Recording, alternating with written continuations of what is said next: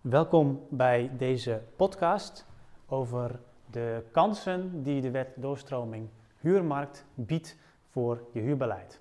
Het is weer een nieuwe podcast van de coöperatiestrateeg en mijn naam is Ritske Dankert.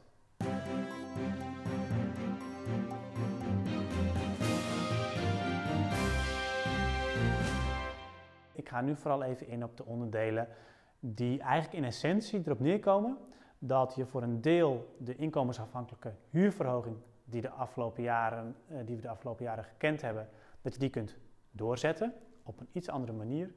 Ehm, en ten tweede dat ook de huursombenadering, waar Edes in de afgelopen jaren voor heeft gepleit, dat ook die in de wet is opgenomen en dat je die dus in combinatie kunt gebruiken om je jaarlijkse huurverhoging kunt, uh, te bepalen. Um, ja, welke kans biedt dat voor je huurbeleid?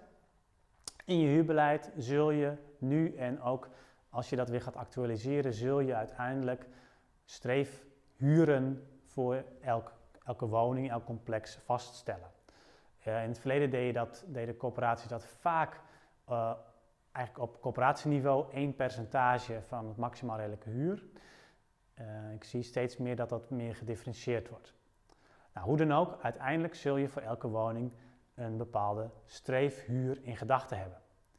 Met uh, de instrumenten uit de wet doorstroming huurmarkt kun je ook bij de jaarlijkse huurverhoging, dus niet alleen maar bij mutatie dat je dus naar je streefhuur gaat, maar ook bij de jaarlijkse huurverhoging kun je ervoor zorgen dat je sneller naar die streefhuur toegroeit.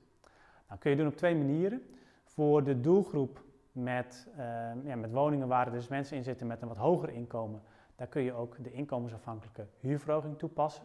Dus op het moment dat je streefhuur hoger ligt, dan kun je dus zeggen van nou gaan we ook een hogere huurverhoging doorvoeren, specifiek voor die doelgroep.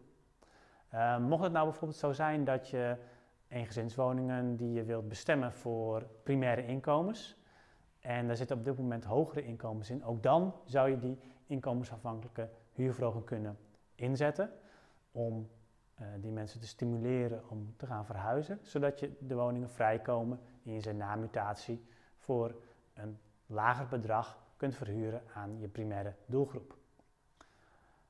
Nou, dan de huursombenadering. Ook die geeft mogelijkheden om bij sommige woningen wat extra huur te, huurverhoging te vragen. En dat geeft tegelijkertijd ook weer ruimte om bij andere woningen um, dus minder huur te vragen, terwijl je op coöperatieniveau nog steeds dezelfde huursom uh, bereikt. Nou, het heeft als voordeel dat je in je huurbeleid veel meer kunt gaan differentiëren. Je kunt woningen echt uh, labelen ook voor de allerlaagste inkomens, terwijl je misschien andere woningen hebt die wel geschikt zijn om ook te verhuren aan mensen die geen huurtoeslag krijgen en die kunnen dan ook sneller naar die prijs toegroeien. Nou, ik hoop dat je hiermee weer inspiratie hebt opgedaan om je huurbeleid vorm te gaan geven. Ik wens je daar heel veel succes mee. Bedankt voor het luisteren naar deze podcast. Wil je nieuwe afleveringen ontvangen? Abonneer je dan op deze podcast.